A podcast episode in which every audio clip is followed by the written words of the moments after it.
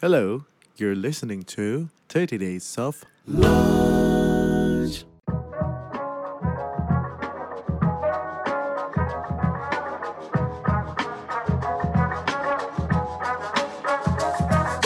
bagaimana belajar mengatasi penderitaan, bukan bagaimana meraih kebahagiaan. Karena kebahagiaan asumsinya sudah ada dan lengkap. Memikirkan kenapa itu bergunanya retrospeksi setelah penderitaannya selesai. Berpikir kenapa tidak selalu membantu kita keluar dari penderitaan. Gua mau kasih tahu nih untuk promo Lenovo bulan ini. Ada GoPay sampai 1 juta rupiah dan kalian bebas pilih hadiah aksesoris tambahan sesuka hati kalian. Contohnya RGB keyboard, webcam, Legion H500 Pro headset dan masih banyak lagi. Untuk info lebih lanjutnya bisa cek langsung di lenovopromo.com. Jangan sampai ketinggalan promonya ya guys, karena promonya cuma sampai 30 Juni 2021 ini loh. Dan pastikan untuk cek syarat dan ketentuan promonya. Buruan, buruan buruan, go!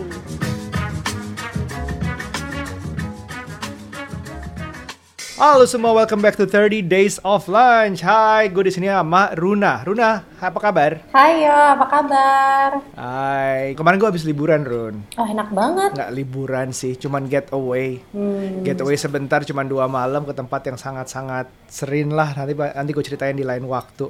Tapi gue juga kemarin posting nih tentang tentang satu postingan gue di Instagram gue. Hmm. Langsung mau cerita aja ya jadi uh, postingan itu tentang judulnya luka, duka dan rasa sakit gitu. Hmm. Karena akhir-akhir ini kan setahun setengah terakhir tuh banyak pasarás a perasaan-perasaan hurtful yang kita rasakan. Bukan cuman pandemi, tapi kayaknya pandemi itu ngaruhnya juga banyak banget ke mana-mana selain kita kehilangan seseorang, pekerjaan, dan banyak banget kayaknya akhir-akhir ini ya boleh dibilang cobaan lah ya gitu. Terus gue jadi inget Run sekitar berapa tahun lalu ya? Sekitar 8 apa um, 10 tahun lalu lah kira-kira. 10 tahun lalu in the middle of my uh, problems, biggest problem of my life which is a, a separation.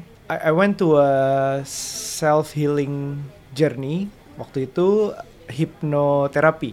Hmm. Kalau Runa mungkin udah paham kira-kira ya hipnoterapi seperti apa ya. Jadi jadi di hipnoterapi itu ditemukan sesuatu yang cukup agak beda saat itu. Jadi I've never lost anyone in my life before yang yang someone who's very close. Nggak uh, orang tua alhamdulillah masih lengkap, uh, siblings masih lengkap, uh, pasangan nggak ada yang meninggal secara unexpected atau kehilangan secara pasangan itu nggak ada. Tapi waktu di hipnoterapi itu gue merasakan sesuatu di, setelah digali kehilangan itu ternyata ada perasaan kehilangan berasal dari sepupuku yang sebenarnya waktu itu masih kecil banget I think I was about berapa ya 11 atau 10 tahun hmm. uh, dia kakak sepupu dengan berjarak 2-3 tahun yang kita main bareng dia tuh meninggal hmm. karena demam berdarah waktu itu hmm. 13 tahun kira-kira hmm. di saat hipnoterapi itu kehilangan tentang dia ternyata keluar semua dan gue lumayan nangis deres di situ. Hmm. Padahal sebelumnya tuh nggak pernah mikirin dia, nggak pernah mikir kehilangan dia, dia keinget lagi itu juga hampir nggak pernah gitu. Hmm. Inget dia tuh di saat ketemu orang tuanya aja kan, orang tuanya kan berarti masih uh, bude gue gitu. Hmm. Jadi keinget kadang-kadang.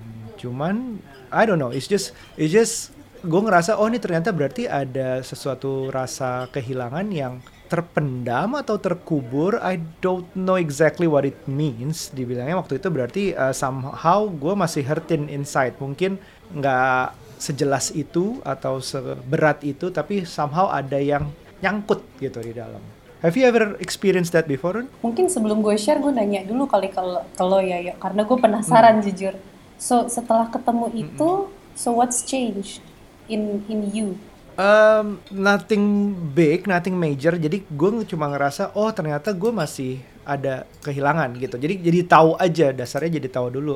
Gue nggak gali lebih dalam lagi sih karena di saat itu uh, masih dalam berjibaku masalah pribadi yang lain itu. Uh, gue nggak balik ke situ, gue nggak balik ke sessionnya, nggak melanjutkan hmm. nggak menggali lebih dalam harusnya seperti apa tapi um, I was so occupied with the duniawi uh, proses lah segala macam so kayaknya sih terlupakan atau terkubur lagi mungkin I don't know nothing major happen just a realization bahwa oh gue masih kehilangan dia ternyata udah itu aja sih well I cannot tell right now dari Oke. um, cerita ini. But um, kalau tadi ditanya pernah apa enggak, I think the loss yang um, gue sadari setelah beberapa bulan bahwa ternyata tuh gue kehilangan banget ya. Itu sebetulnya kehilangan uh, anak pertama gue ya. Waktu itu kan um, gue menikah langsung hamil, tapi hanya bertahan kira-kira dua bulanan gitu. And um, kalau kita ngomongin uh, derita selain loss, itu sebetulnya justru I feel one of the most struggling part in my life itu waktu setahun pertama setelah melahirkan anak anak aku gitu. Karena di situ ternyata tanpa aku sadari, aku berjuang sekali to get through that one year. Oke, the baby blues you were mentioning at the previous episode ya. Iya, tapi jujur uh, kalimat baby blues itu sebetulnya melihat definisinya sendiri dan wondering sendiri sih ya. Jadi aku nggak ke psikolog waktu itu untuk dapat that label baby blues gitu sebenarnya. Tapi dalam Hmm. Ah, oke, satu oke, tahun itu oke. sebetulnya ternyata aku tuh berjuang sekali ya. Dan menariknya di sini adalah ternyata kalau orang lagi di tengah penderitaan dia tuh lagi nggak sadar dia tuh berjuang gitu. Baru setelah saat itu Hmm. aku reach to a certain point sampai aku merasa oke kayaknya aku udah perlu bantuan nih. Nah terus aku menghubungi seseorang untuk akhirnya bisa membantu aku get back up dari titik jatuh aku waktu itu. Gitu. Nah siapakah orang ini? Ya, jadi sebelum memperkenalkan orang itu mau melanjutkan bahwa di post itu ternyata banyak merasakan hal yang lumayan sama dan ingin bertanya gitu. Jadi kita buka conversation hari ini dengan orang yang telah membantu dirimu ya mungkin ya. Iya. Dan mungkin bisa menjawab beberapa pertanyaan yang kita punya tentang rasa luka, duka, dan rasa sakit ini. Uh, kami undang Mas Reza Gunawan. Mas Reza Yeay. Gunawan apa kabar? Hai Aryo Runa, apa kabar? Terima kasih ya, aku diundang ngobrol. Jadi kalau boleh share sedikit Runa waktu itu bagaimana dengan Mas Reza nih prosesnya? Kalau isinya kan rahasia ya mas. Oh iya betul. kalau kamu yang kalau kamu yang cerita nggak rahasia, bagi aku rahasia. Kan konsennya di Iya, Runa iya. ya. Mungkin kalau proses Mas Reza mungkin eh, sebagai terapis nggak bisa cerita ya Mas karena semuanya itu confidential ya Mas. Iya, betul. Apa pun Betul. yang klien bilang. Cuman kalau boleh sedikit ngasih background sedikit yo. Waktu kita Iya. membahas kenapa sih mengundang Mas Reza dan membahas derita gitu ya. Serta kenapa kita harus mem- membahas juga eh, luka dalam hidup kita. Sebetulnya eh, kalau ngomongin derita, luka, selama ini kita selalu membicarakan bagaimana supaya kita bisa sukses ya nggak sih supaya kita gimana bisa being the number one gimana supaya kita bisa achieve more in life. Tapi sedikit sekali yang membahas bahwa sebetulnya mungkin ini mungkin loh ya makanya kita nanyain Mas Reza di sini kita undang. Mungkin malah kita juga membutuhkan failure dan juga uh, derita dalam hidup kita untuk berkembang secara kehidupan dan juga kejiwaan kita gitu. jadi melihat begitu banyak konten apakah podcast apakah YouTube yang mendorong kita to be more tapi mungkin nggak kita membahas justru polaritasnya. Bagaimana kita bisa melalui derita dalam kehidupan kita supaya kita bisa uh, evolving juga. Jadi evolving bukan only trying to achieve more, tapi to face the pain and the challenge gitu. Nah, mungkin dengan background itu tertarik untuk menanyakan, benar nggak sih Mas Reza dengan sebagai terapis yang melihat begitu banyak klien datang dengan permasalahan dan dari pengalamanku pribadi ke Mas Reza pasti ada proses transformasi yang si klien itu mungkin lalui, mungkin juga enggak gitu ya Mas. Hmm, Gitu. Mungkin eh, pertanyaan yang pertama itu adalah Oke. Dari pengalaman Mas Reza, em, derita tuh apa sih dan kenapa sih orang tuh harus menghadapi derita sebenarnya? Oke, kalau saya bahas derita, mungkin pakai bahasa yang awam adalah sesuatu yang terjadi sebagai sebuah realita yang berlawanan dengan ekspektasi dan harapan kita. Kita maunya A, realita maunya B. Itu kan menyebabkan stres yang rasanya nggak nyaman dan ketidaknyamanan itu jadi penderitaan. Dan itu bisa terjadi di skala yang berbeda-beda. Kita pengen pergi ke suatu tempat, maunya perjalanan lancar, ternyata macet. Realita macet, ekspektasi lancar, derita. Kita maunya sehat, ternyata kita jatuh sakit. Ekspektasi berbeda sama realita, stres, derita. Kita maunya pernikahan kita langgeng-langgeng, jarang berantem. Ternyata berantem, bertikai keras, bahkan mau bercerai atau berpisah, derita. gitu. Jadi dalam definisi paling singkat, derita tuh adalah efek dari perbedaan antara ekspektasi dan realita. Wow. Jadi kalau if, if I'm being sorry if I'm being skeptical, Mhm. jadi gue nggak harus expect banyak dong ya dalam hidup biar nggak mau menderita gitu. Iya, Wow. tapi kan secara manusiawi nggak punya ekspektasi sama sekali itu kan nggak mungkin. Atau secara Pasti ada ah, pasti pengen, ada ya. pengen. Cuman mungkin skalanya makin banyak ekspektasi, makin banyak potensi menderita. Makin sedikit ekspektasi, makin sedikit potensi menderita. Hmm. Maka latihan kita di sini adalah belajar mengurangi ekspektasi yang tidak terlalu harus dibela-belain untuk mengurangi potensi penderitaan. Contohnya apa, Mas? Misalnya gini, kita mau anak kita kalau sekolah harus ranking tiga besar karena kita percaya bahwa kalau dia selalu pintar secara akademis itu jaminan bahwa dia akan sukses nantinya. Itu kan ekspektasi. Tapi mungkin kalau Betul. anak kita kecerdasannya bukan kategori akademis, mungkin kita akan stres sepanjang dia sekolah dan sangat menderita sebagai orang tua. Kalau kita lepaskan ekspektasi itu, kita bisa melihat bahwa dia punya potensi keberhasilan yang lain dan bukan terlalu akademis banget, maka penderitaan kita berkurang. Justru malah kita bisa melihat peluang bagaimana mengembangkan kelebihan dia yang non akademis untuk membantu mempersiapkan dia menuju kehidupan mandiri. Contohnya, Banyak yang menerima penderitaan itu lalu menghubungkannya dengan nasib atau takdir gitu. Jadi yang kayak sering yang dipertanyakan, kenapa saya sih? Salah saya apa? Apa what have I done to deserve this? Apakah aku udah jahat ke orang lain? Apakah aku di uh, dosa di ke mana? Um, apakah kenapa aku ini karena orang tuaku emang udah sial terus mungkin? Atau aku curse? Atau aku apa? How, how do we face that? Kadang-kadang orang aku pun juga pernah mengalami penderitaan. Kayaknya gue nggak pernah nyakitin orang di saat mungkin di saat perpisahanku. Kayaknya aku nggak pernah nyakitin orang lain sebelum dia deh gitu. Kok sekarang kok jadinya kayak aku nyakitin dia terus dan dia akhirnya kita saling menyakiti contohnya. Apakah ini jalan hidup yang disebut jalan hidup memang harus begini? Apa bagaimana mas? Oke, pertanyaan mengenai kenapa penderitaan ini terjadi sama saya itu punya beberapa dimensi. Pertama, pertanyaan itu lahir karena kita ingin punya penjelasan logis kenapa saya layak menerima penderitaan ini. Kalau seandainya penjelasan logisnya ada, maka itu akan memudahkan saya untuk merangkak keluar dari penderitaannya, plus mencegah penderitaan masa depan yang belum datang. Ya nggak sih? Ya. Jadi Betul, kenapa betul. pertanyaan itu lahir didorong oleh motivasi itu? Satu, gue pengen penjelasan logis. Kedua, kalau ada penjelasan logisnya, gue bisa keluar dan bisa sekaligus mencegah penderitaan Mencegah. potensial yang nanti akan datang. Tapi saya mau meluruskan bahwa bertanya kenapa itu tidak membantu. Kalau kita masih berada di dalam penderitaannya. Kalau kita sudah sembuh dari penderitaannya, terus kita looking back, retrospeksi, dan kemudian berusaha mencari kenapanya, dia berguna untuk membuahkan life wisdom atau kebijaksanaan hidup. Tapi kalau kita masih berada dalam penderitaannya, nggak berguna. Contoh, contoh, kita jatuh sakit nih, hidung meler, batuk-batuk, sesak napas, sakit kepala, terus kita terus bertanya, ini kenapa ya? Apakah nasib? Apakah karma? Apakah gua diguna-guna? Apakah saya kena bakteri? Apakah saya kena virus? Apakah air di rumah saya kotor? Saya keracunan? All this thinking bikin batin kita nggak bisa istirahat dan kemudian dia mencegah imun sistem kita untuk bekerja optimal untuk menuju sembuh.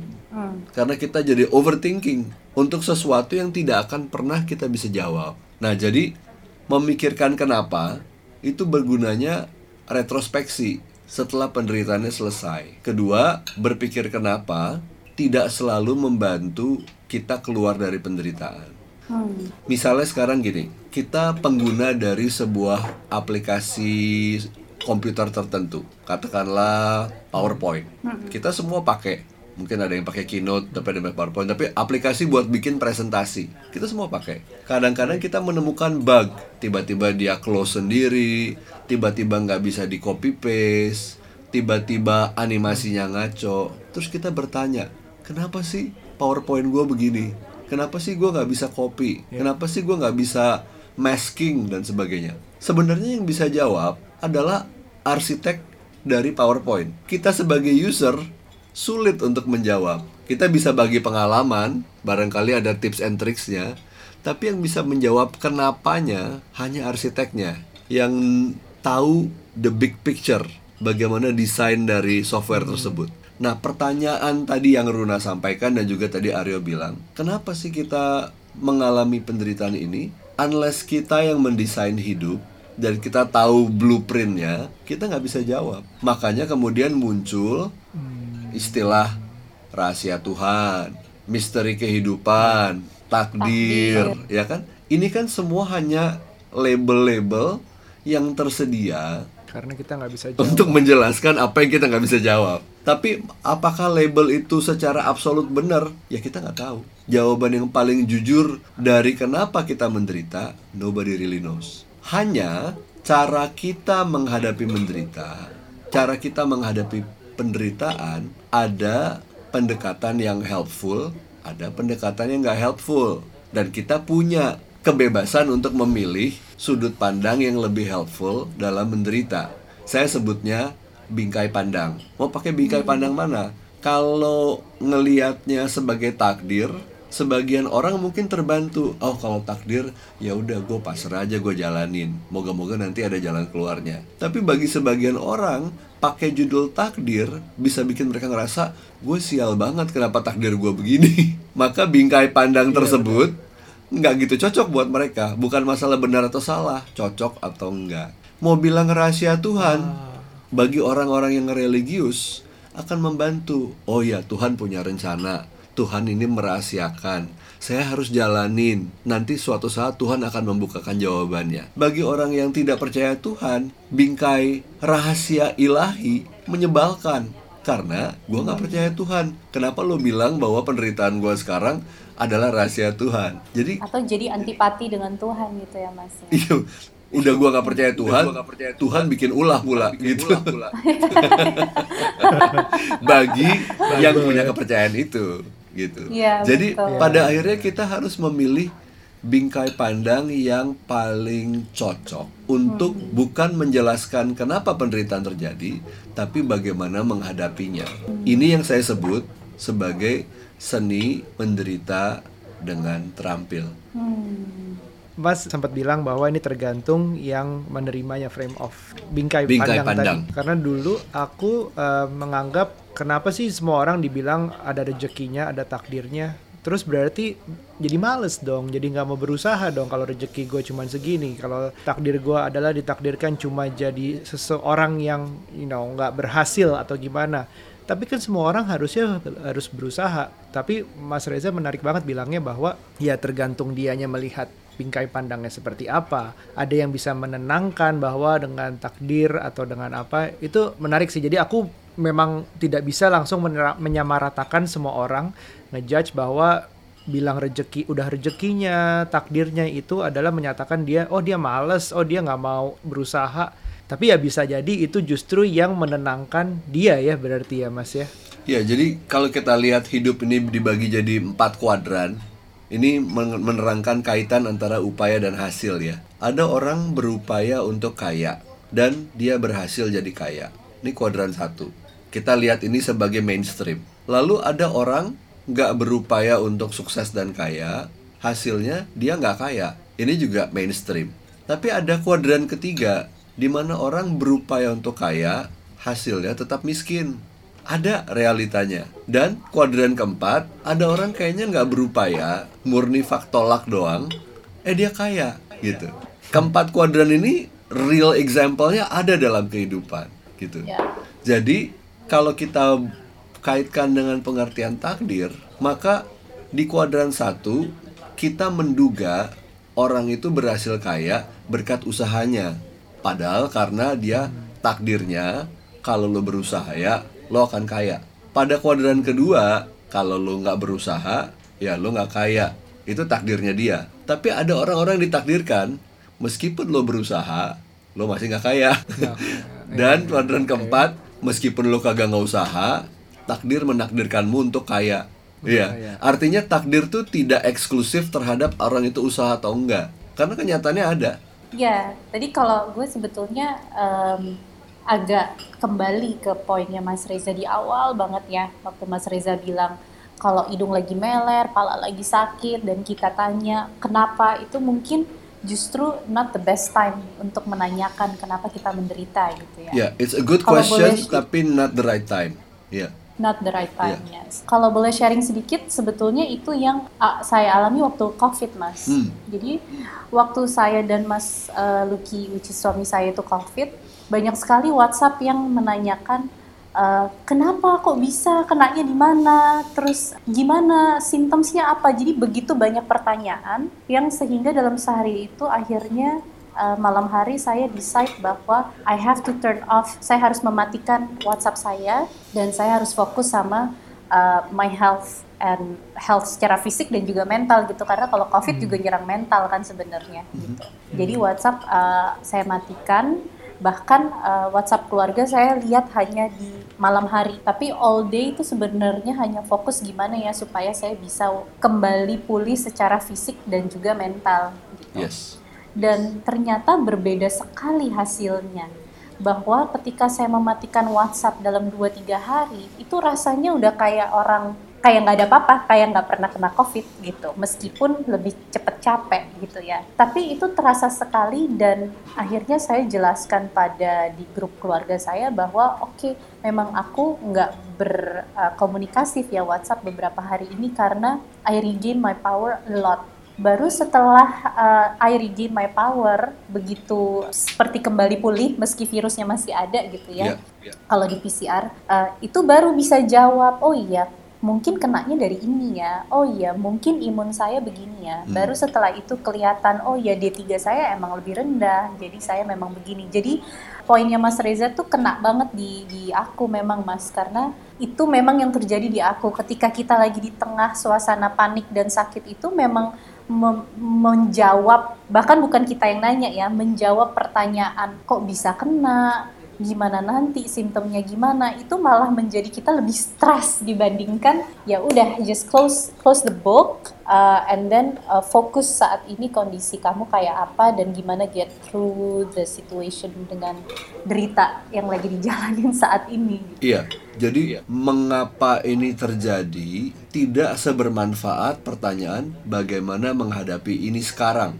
Iya. Karena satu jawabannya belum tentu kita dapat, kedua malah menghalangi solusinya Iya. atau penyembuhannya. mempertanyakan kenapa timingnya mungkin tidak tepat. Apa yang harus dilakukan kita di saat menghadapi derita ini? Um, how to face this pain? Karena questioning is putting aside dulu, di, dikesampingkan dulu itu nanti. Yang harus dihadapi, yang lagi kalau menghadapi, apa yang harus dilakukan, mas? Oke, jadi saya dulu pernah punya guyon di sosial media. Sebenarnya merupakan antidot dari kampanye hidup sehat. Saya pernah punya beberapa posting judulnya bukan seni hidup sehat tapi seni hidup sakit. Dan ini terinspirasi dari sebuah buku yang saya baca. Buku ini berlandaskan filosofi Buddhis, tapi sebenarnya ditulis untuk audiens umum. Judulnya How to be sick. Gimana caranya ngejalanin sakit gitu. Karena kan most books ditulis mengenai bagaimana caranya sehat. Ya, Tapi waktu betul. kita sakit, kita nggak skillful. Makanya tadi saya bilang seni menderita dengan terampil. Kalau dalam psikologi timur, pengertian dasarnya bahwa jiwa manusia itu sudah bahagia, sudah konten. Dia tidak butuh apa-apa untuk menjadi bahagia. Cuman kadang-kadang bahagianya ketutup. Misalnya kita bicara matahari. Matahari ya selalu bersinar, selalu terang, selalu panas. Cuman kadang-kadang terhalang sama cuaca, awan gelap, hujan dan sebagainya gitu. Jadi di dalam psikologi timur kita nggak berjuang untuk menjadi lebih terang, menjadi lebih bersinar karena bersinarnya udah optimal. Cuman kita belajar menyingkirkan awannya, menyingkirkan yang menghalanginya. Nah, makanya dalam psikologi timur dan juga kebetulan dalam Buddhism, fokusnya adalah bagaimana belajar mengatasi penderitaan, bukan bagaimana meraih kebahagiaan. Karena kebahagiaan asumsinya sudah ada dan lengkap. Cuman kita nggak bisa nggak bisa merasakannya karena terlalu banyak awan yang ngalangin gitu. nggak punya akses gitu Ya, jadi secara prinsip gitu. Tapi kan ini belum teknis, secara prinsip gitu. Nah, teknisnya pertama tentunya adalah ada tiga sih. Satu, self awareness. Saya sadar nggak apa yang sedang terjadi saat ini? Misalnya sakit ya, saya sadar lagi sakit. Saya sadar nggak gejala-gejalanya apa saja yang saya rasakan? Saya sadar nggak reaksi batin saya terhadap pengalaman ini seperti apa? Misalnya gue benci banget jatuh sakit, gue jadi nggak bisa kerja, kenapa sih harus gue sakit? Pasti nih gara-gara dia yang nularin dan sebagainya. Itu kan reaksi batin kita yang sebenarnya terpisah dari fenomena sakit fisiknya. Tapi dia jadi satu paket dengan penderitaannya gitu kan? Nah jadi semakin kita menyadari kita lebih mudah untuk mengakui dan menerimanya Nah, Iya. waktu kita menerima reaksi kita, baik gejala fisik maupun reaksi mental emosional kita, maka kita jadi berhenti fighting the reality. Dan itu membantu kita untuk lebih cepat sembuh sebenarnya. Tapi itu baru step pertama, self awareness. Self kedua adalah self responsibility. Self responsibility adalah meskipun mungkin ada faktor-faktor luar yang bikin saya menderita, yang paling primer bertanggung jawab untuk mengatasinya adalah saya. Lawannya apa? Biasanya kita menyalahkan keadaan, menyalahkan politik, menyalahkan kuman, menyalahkan orang lain, dan menuntut pihak-pihak tersebut untuk bertanggung jawab mengatasi penderitaan kita. Nah, ketika kita udah titik self responsibility, maka kita oke bahwa saya tiba dalam penderitaan ini, sebagian besar ada andil saya dan solusinya sebagian besar ada di saya. Jadi self awareness, self responsibility. Nomor tiga, baru saya sebutnya self healing, yaitu upaya-upaya yang kita bisa tempuh untuk mengatasi penderitaannya. Dan itu tentu tergantung dari penderitaannya apa. Kalau setelah mengatasi sendiri belum cukup, baru kita cari bantuan profesional. Jadi tiga. Kalau yang tadi Aryo tanya, ketimbang menanya kenapa, so how to deal, self awareness, self responsibility, self healing. Hey guys, siapa yang selama pandemi ini berat badan malah naik? Gimana nggak naik? Seringnya di rumah, olahraga jadi jarang. Kita harus hati-hati. Berat badan berlebih meningkatkan risiko obesitas dan diabetes. Salah satunya adalah dengan cara jaga berat badan.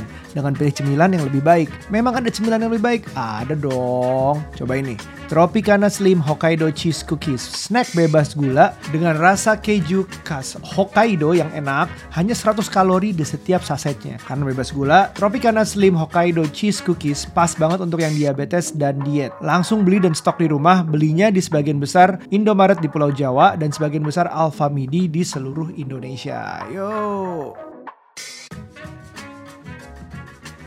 itu menarik banget mas yang tiga poin itu karena em, kadang saya juga banyak menemukan bahkan I beberapa kali even in the past I was part of it di mana saya sudah aware tapi saya langsung bypass ke self healing saya melewati self responsibility Hmm. dan saya melihat juga beberapa uh, orang yang datang ke saya juga kadang-kadang saya aware bahwa saya marah, saya sedih, uh, saya punya gejala symptoms di badannya karena stresnya tuh begini, lalu lang- langsung ingin self healing Hmm.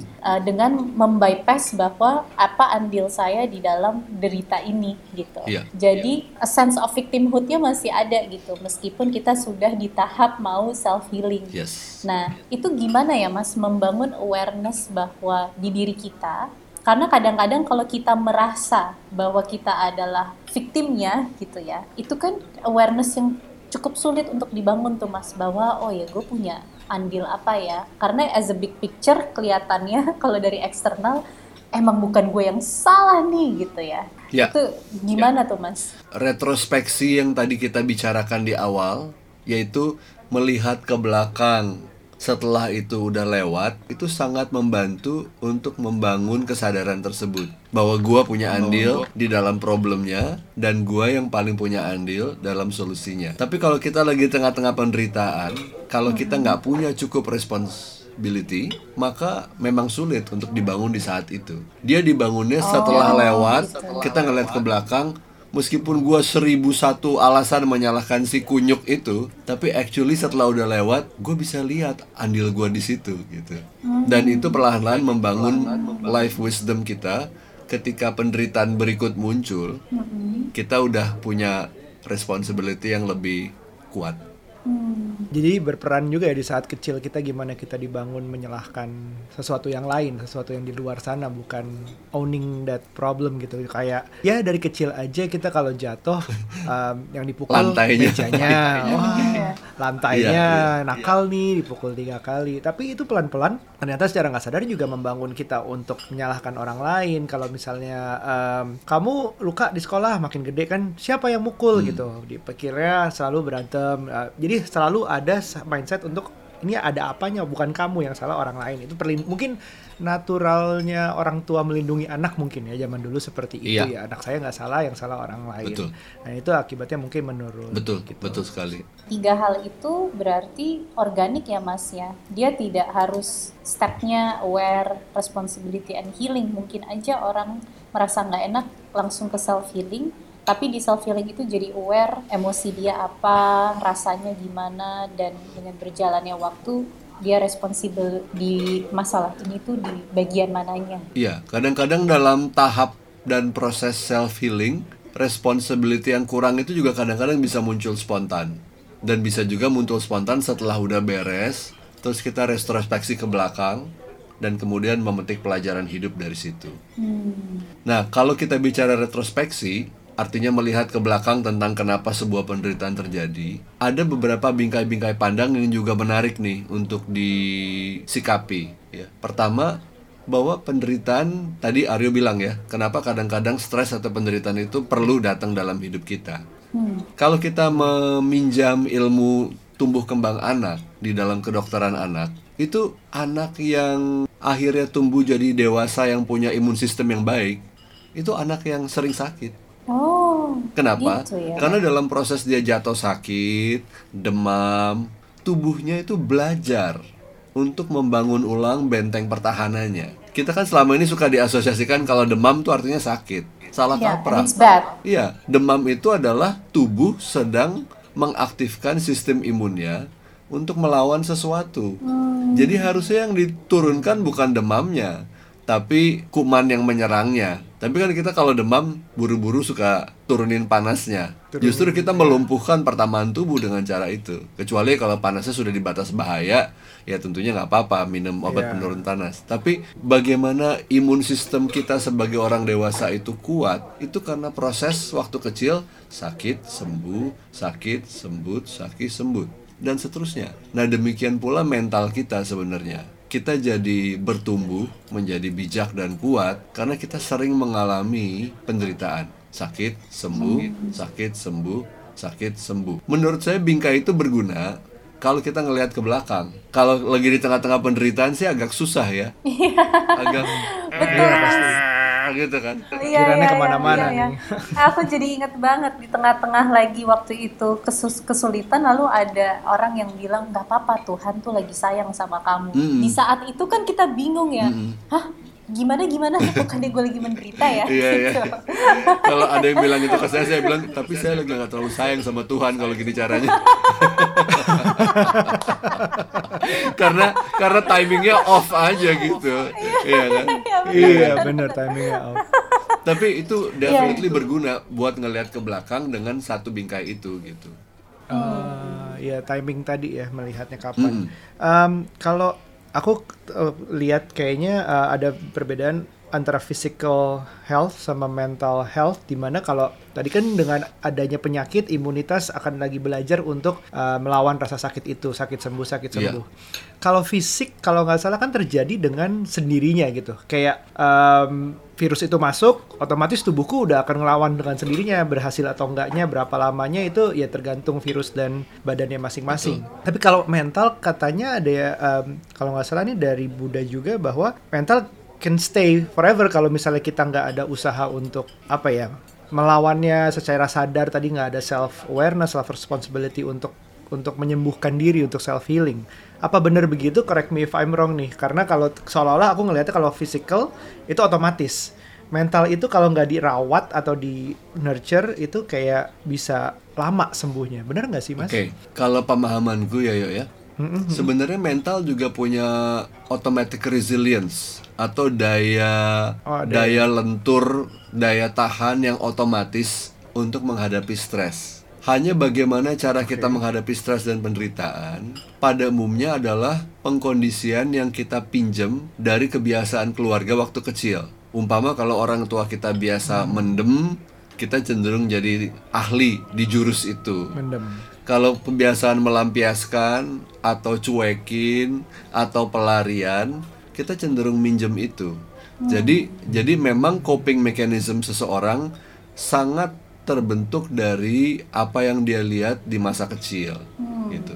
Hanya cara coping tersebut memang ada yang sehat, ada yang nggak sehat gitu. Jadi ada bedanya di situ aja. Tapi kalau otomatisnya sama-sama ada kok antara fisik sama mental. Sebenarnya kita juga punya nggak sih? Ini aku bisa bener bisa salah ya. Oke. Kayak yang aku pahami bahwa kalau kita sedih, apa salah satu cara uh, auto- autopilot diri kita untuk coping it ya kita nangis Iya. gitu. Iya. Tapi mung- uh, mengeluarkan air mata, Iya. kita uh, mengeluarkan energinya dari situ gitu. Iya. Tapi mungkin kita dididik misalnya laki jangan nangis, jadi kita harus nahan. Iya. Dan lukanya justru terjadi di situ, Betul. malah bukan waktu dia nangis Betul. gitu ya. Jadi ada refleks natural dan ada refleks yang terbendung akibat bagaimana kita diajarin. Hmm, sama juga dengan marah ya. Sebetulnya Iya. marah ada hal yang natural, Iya. tapi nggak boleh marah. Kamu harus Iya. uh, sopan gitu Iya, misalnya ya. betul. Oke, oke.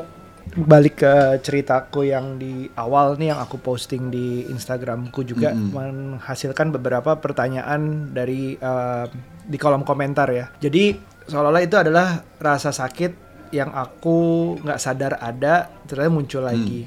Em, beberapa komentar juga ada yang sudah kehilangan ayahnya 20 tahun, ada yang kehilangan ayahnya 55 tahun, ibuku sendiri by the way. Kadang nulis komentar bahwa dia masih suka sedih dengar lagu uh, de- ayahnya atau kakekku lah. Ada pertanyaan yang menarik, apakah dari mana kita tahu kita sudah sembuh dari rasa sakit itu? Oke. Entah itu grieving, entah itu mental pain atau apa. Uh, dari mana kita sudah tahu kita sudah sembuh? Pertanyaan. Oke, ada jawaban general, tapi ada jawaban spesifik. Ya, jawaban generalnya kalau sebelum proses penyembuhan teringat masalahnya, kita hancur. Hancur tuh bisa macam-macam ya, bisa marah, bisa sedih, bisa guilty, bisa regret, menyesal. Itu sebelum proses penyembuhan. Sesudah proses penyembuhan, kalau kita mengingat masalah yang sama, kita nggak gitu lagi kita bisa mengingatnya dengan tenang, dengan lega, dengan ikhlas. Itu satu barometer. Itu jawaban umumnya. Tapi jawaban khususnya kalau untuk grief dan loss, bagi saya sih kalau kita kehilangan seseorang sampai kita depresi, nggak mau makan, nggak bisa kerja, nggak bisa berfungsi menjalankan segala peran kita, maka itu definitely masih bermasalah, masih perlu penyembuhan. Tapi kalau kita bisa bekerja, bisa berfungsi, bisa berpikir jernih, bisa merasa tenang, lega, bahagia, tapi sesekali teringat orang yang kita kehilangan, terus kita nangis. Bagi saya itu bukan ukuran belum sembuh, itu kangen, wajar manusiawi. Jadi untuk kasus per kasus adalah pengecualian seperti itu. Oke, menjawab ya. Jadi kalau kita udah kehilangan fungsi kita yang normal Iya. beraktivitas, Iya. itu kita belum ya berarti Belum, ya. iya. Oke, make sense. Atau ada gejala lainnya yuk. Kita cenderung menghindar untuk mengingat masalah itu. Jangan dipikirin, jangan dibahas, jangan diomongin. Berarti belum. Karena masih ada avoidance. Oke, oke. Ya, ya. Ini juga agak menarik nih Mas kalau boleh aku timpali dikit Ya. ya. Berarti sebetulnya ada kalau agak sedikit kontroversial nih, Mm. sebetulnya ada positive thinking yang sebenarnya sama sekali nggak membantu. Positive Justru thinking memang kebanyakan nggak membantu. Oh, gitu ya. Karena itu justru itu ya Mas, Iya. menghalangi kita untuk aware sebenarnya gue ini lagi menderita dan accept gitu ya. iya, kebanyakan kita menggunakan positive thinking itu untuk melarikan diri dari negativity yang harusnya kita hadapi. Hmm. Atau membohongi realita supaya kita merasa lebih nyaman. Iya, iya. Jadi misalnya cemas nggak apa-apa, saya nggak cemas kok. Iya, iya, iya. Terus kita lihat di kaca gitu kan, saya baik-baik saja, Iya, saya iya. tenang gitu ya. Yang Iya, lebih iya. bahaya lagi- diri sendiri Iya, ya. Yang lebih bahaya lagi kalau kita menggunakan positive thinking untuk tidak menganalisa potensi petaka yang harusnya kita bisa antisipasi dengan berpikir negatif potensi bahaya. Seat belt misalnya. Seat belt di mobil itu kan dibuat karena negative thinking. Negative thinking yang berguna. Hmm. Ber- Ya, betul. Kalau di bidang lo berarti beli saham ya. Iya, iya, saham. Iya, iya, saham. Beli saham. Saya positive thinking, I have positive faith gitu ya.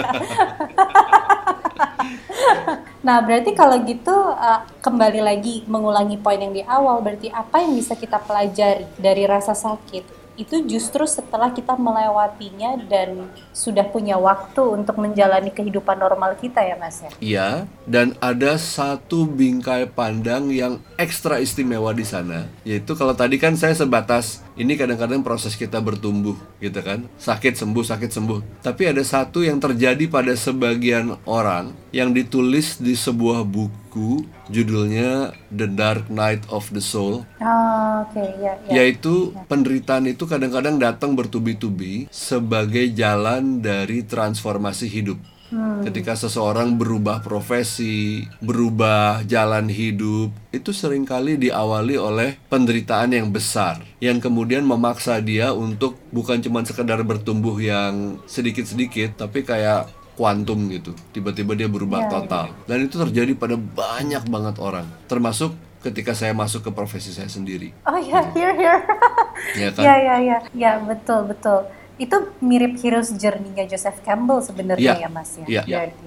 Ya. Hmm, bahwa semua orang harus apa going to the abyss, Iya. terus a Iya. lot of trial sampai kayaknya mau mati aja, tapi Iya. tiba-tiba mereka rebirth gitu ya. Iya, kayak proses dilahirkan kembali jadi manusia baru. Tapi kalau kita pikirin ini di tengah-tengah penderitaan, ya nggak laku juga. Hanya hanya saat retrospeksi kita baru bisa lihat ini.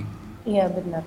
Benar. Nah itu makanya gue penasaran sama lo yo waktu lo mengetahui itu terus how seberapa berubahnya hidup lo atau diri lo waktu tahu tentang kehilangan sepupu lo itu. nggak berubah sih to be honest cuman kaget aja ternyata um, sesuatu hal yang um, gue gue gak nyangka segitu oh gue masih bisa nangis masih bisa keinget dalam keadaan seperti itu. Tapi uh, mungkin ya seperti yang Mas Reza bilang tadi um, tak ada nggak bikin gue nggak dis- disfungsional gitu loh. Nggak bisa makan nggak bisa tidur nggak bisa apa. I still can abis itu selesai nggak pernah nggak pernah kayak kepikiran sampai berhenti ngapain gitu. My main problem is was not her was not losing her my cousin. My main problem at the moment adalah going through a separation gitu jadi ya beresin yang itu. Jadi sebenarnya nggak ada jadi nggak ada hubungannya. Cuma kayak good to know oh ternyata gue masih inget dia dan I can still survive I can still live. Nggak nggak nggak masalah sih saat itu jadinya. So menjawab pertanyaan yang ada di feed aku ya berarti sembuh patokannya di situ. Cause aku udah sembuh berarti dari kehilangan dia cousinku gitu. Itu sih yang aku tangkap sekarang gitu. Nggak pernah ada masalahnya. Nah kalau kita rutin prosesnya tadi em, kita ada bagian dari self awareness self responsibility sama self healing terus habis itu kita bisa baru bisa eh, kita sudah menyatakan mana itu sembuh dan belum lalu kita bisa ada retro- retrospeksi juga gitu. Pertanyaan yang harus ditanyakan di saat itu gitu. Lalu sesudah itu semua yang kita pelajari apa mas dari rasa sakit atau derita Kayaknya yang kita pelajari sangat tergantung dari kasus per kasus ya, yo. Karena kan di setiap episode penderitaan yang kita alami itu sering kali hikmahnya beda-beda, pelajaran hidupnya beda-beda. Oh. Dan itu yang kemudian membentuk personality kita secara jangka panjang dan juga value-value apa yang kita pegang di dalam hidup, jadi pegangan hidup. Jadi boleh dibilang hidup kita ini dibentuk dari rangkaian pengalaman-pengalaman hidup masa lalu yang dirangkai jadi satu. Apa yang kita pelajari sangat kasus per kasus saya rasa. Hmm. So it's unique nggak bisa Iya. disamakan ya. Yang buat saya menarik adalah kadang-kadang pengalaman hidup kita akan mengajarkan kita sesuatu yang kontradiktif terhadap ajaran mainstream. Ya. Ya, misalnya ajaran mainstream, lo kerja keras, lo sukses. Ya, kita ketika merasakan kerja keras tapi gagal atau santai-santai tapi sukses, kita mau tidak mau kalau kita merenungi, kita akan mulai mempertanyakan, eh ternyata itu nggak selalu benar loh, gitu. Memang orang tua gue ngajarinnya begitu, masyarakat ngajarinnya begitu, agama ngajarinnya gitu, tapi nggak selalu gitu loh. Nah menurut saya di situlah ada semacam pemahaman yang lebih luas dari jargon-jargon umum yang kita kenal. Dan bagi saya pemahaman tersebut spiritual, karena dia memahami hidup secara lebih luas. Hmm. Berarti definisi spiritualnya Mas Reza apa nih Mas? Mengenal diri dan mengenal hidup. Karena ketika orang menyebutkan nama spiritual langsung, wah Hmm, langsung langit ketujuh langsung gitu kan. apa uh, smoke muncul lights on musik musik gesekan Glowing biola gitu ya. biola terdengar terdengar ya, ya, ya, ya. Ya, ya. Padahal ya mungkin it's as simple as mengenal diri dan mengenal hidup dan itu berdasarkan referensi masing-masing ya. Iya, memang dia harus di kalau pengalaman hidup kan pasti datang sendiri. Tapi kita tuai nggak jadi pelajaran itu sesuatu yang harus kita lakukan secara aktif gitu. Kita yang merenungin, kita yang olah, kita yang petik gitu. Kalau ada pertanyaan lagi Mas, eh, saya ingat waktu zaman saya di korp eh, di corporate gitu ya. Mhm. Dan apalagi zaman dulu di eh, agency itu kan gila, pace-nya cepet banget dan itu di saat saya sering ketemu Mas Reza Ya. kalau nggak salah kan Ya. waktu di situ. Mm, ya. Sampai akhirnya kayaknya nggak nggak ada deh waktu untuk bisa menuai seluruh kehektikan dalam hidup ini bagaimana. Iya. Nah, Mas Reza ada saran atau cara tertentu nggak sih untuk bisa Hmm. menuai pelajaran dari seluruh derita yang kita alami di tengah dunia yang hektik? Jawabannya mungkin singkat ya karena itu mungkin bisa jadi bahan episode pembahasan terpisah gitu ya. Tapi jawaban singkatnya hidup itu jangan sibuk, produktif. Yang dikejar adalah produktivitas bukan kesibukan. Karena kalau kita sibuk, pertama belum tentu ada hasilnya. Kedua pasti nggak punya waktu untuk bertumbuh. Jadi kejarlah suatu kehidupan yang produktif bukan suatu hidup yang sibuk. Kalau aku bercandanya sibuk tuh masalah prioritas sih. Betul. Kalau orang aku dikasih al- alasan aku lagi sibuk berarti ya aku cuman bukan bagian dari prioritas dia aja atau dalam hal ini bukan dalam sedih prioritas amat yo, sedih amat. aja gitu loh. Memang orang sibuk itu kurang punya prioritas memang. Mementingkan yang kurang penting Betul, mungkin ya. betul. Tapi kan kita cenderung secara sosial menjadikan sibuk tuh sebagai kebanggaan. Ketemu teman, eh apa kabar, sibuk apa sekarang gitu kan. Iya benar, benar, benar, benar. Jadi selama kita masih menjadikan sibuk sebagai budaya yang layak dibanggakan, ya kita akan selalu sulit, nggak punya waktu, nggak punya waktu buat diri, nggak punya waktu buat yang penting, nggak punya waktu buat keluarga, karena yang didewakan kesibukan. dari satu IG feed itu aku ngerasa em, terbantu banget akhirnya bisa ngobrol sama Mas Reza untuk tahu tadi banyak belajar banget em, bahwa kita menghadapi penyakit itu eh bukan penyakit ya rasa sakit atau derita itu ada tahapnya. Bahwa menanyakan ini salah siapa atau gue kenapa apakah ini takdir? Itu adalah bentuk retrospeksi harusnya bukan bagian dari timing yang tepat untuk ditanyakan di saat lagi menghadapi masalah. Yes. Berguna banget sih karena karena dan juga untuk tahu sembuh itu penting banget. Banyak juga yang merasa bahwa sembuh itu em, kalau udah kalau udah nggak nangis tuh berarti udah sembuh kalau udah ngerasa sakit ya udah nggak ada saat itu berarti udah sembuh. Padahal juga belum tentu itu sangat sangat ber- berbeda ah, sangat berbeda setiap orangnya subjektif. Betul. jadi Mas kalau kita pengen belajar lebih banyak tentang bertumbuh dari sakit tadi kan sudah um, menyarankan bisa nggak sih Mas kita belajar lebih sendiri? Kalau misalnya mau berjuang lagi menghadapi masa rasa sakitnya ini sendiri memulai self healing itu apakah yang bisa dilakukan oleh teman-teman kita yang lagi mendengarkan? Um, selain mungkin datang ke Mas Reza atau uh, atau membaca mungkin atau menonton sesuatu atau belajar dari mana self healing itu dimulai dari mana Mas? Kalau self awareness dan self responsibility itu bukan sesuatu yang bisa diajarkan ke orang lain. Dia hanya bisa kita renungkan dan dalam perenungan tersebut dia akan tumbuh. Jadi misalnya dalam wacana podcast ini, moga-moga kita jadi lebih aware gitu. Dan kemudian mau membangun responsibility itu dalam diri masing-masing. Tapi kalau self healing itu kan teknis. Ya misalnya kita jatuh sakit Iya. secara fisik atau kita lagi stres atau kita lagi luka batin atau kehilangan, itu kan teknis. Jadi kalau model saya adalah bukan model klinis, artinya orang datang buat terapi, tapi orang datang untuk belajar menjadi terapis bagi dirinya sendiri. Yes. Kalau nanti nggak bisa, baru dibantu terapis. Jadi saya bikinnya gitu modelnya, model edukasi. Jadi kalau teman-teman berminat, ya kalau yang cara yang saya bangun adalah melalui pelatihan self healing. Ada pelatihan self healing raga untuk kesehatan fisik sama pelatihan self healing hati untuk kesehatan mental dan emosional. Nah dari situ sudah cukup bekal seseorang untuk terus bertumbuh sendiri. Sekali-sekali kalau mentok boleh dibantu oleh terapis. Jadi self healing itu um, awal idealnya adalah kita sendiri yang menyembuhkan diri sendiri ya. Ya, yeah, hence the name self healing. Self Iya iya iya iya. Oke. Bukan hi- bukan heal me ya. Iya bukan Hilmi, iya ya bukan Hilmi. Eh, Nah itu macam-macam ya. Kalau kita sedikit boleh belajar tentang self healing, kebetulan kan ada Runa dan ada Mas Reza di sini yang uh, practitioner. Uh, bentuknya tuh apa? Ada apa aja dan dan kita kita tahu yang cocok buat kita seperti apa tuh apa ya Mas ya? Oke, kalau di dalam pengertian saya self healing tuh caranya ada banyak banget sih, yo. Em, tapi tidak semua cara hasilnya apple to apple efektivitasnya, ya kan? Jadi kita harus cari yang rasanya cocok plus yang hasilnya baik dan kita bisa lakukan sendiri. Jadi bahasa saya simple, efektif, mandiri. Itu kriterianya kalau untuk milih teknik self healing. Nah, metodologi self healing karena jumlahnya banyak sekali di dunia, saya bagi jadi empat general practices atau empat praktek berlatih. Satu menggunakan nafas, kedua gerak, ketiga sentuhan atau pijatan. Di dalam hening ini ada meditasi, ada relaksasi, ada kontemplasi, journaling, kan perenungan diri itu masuknya situ. Nah, jadi empat kategori ini. Kalau di bawah kurikulum saya, saya udah rumusin jadi dua pelatihan yang raga 3 jam, yang hati 4 jam. Selesai. Orang dalam 7 jam sudah punya tools untuk berproses. Tapi di luar kurikulum saya sendiri ada banyak teknik. Jadi kita bagaimana cara taunya kita co- cocok? Kita pilih satu, kita tekuni itu selama beberapa bulan, baru kita evaluasi apakah ini cocok dengan saya, cukup simple, cukup efektif, dan saya bisa kerjakan secara mandiri.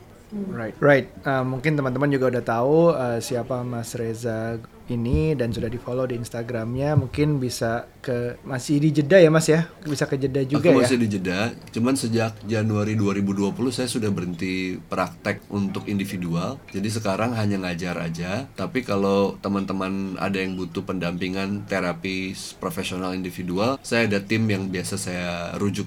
Siap, siap. Terima kasih banyak Mas Reza.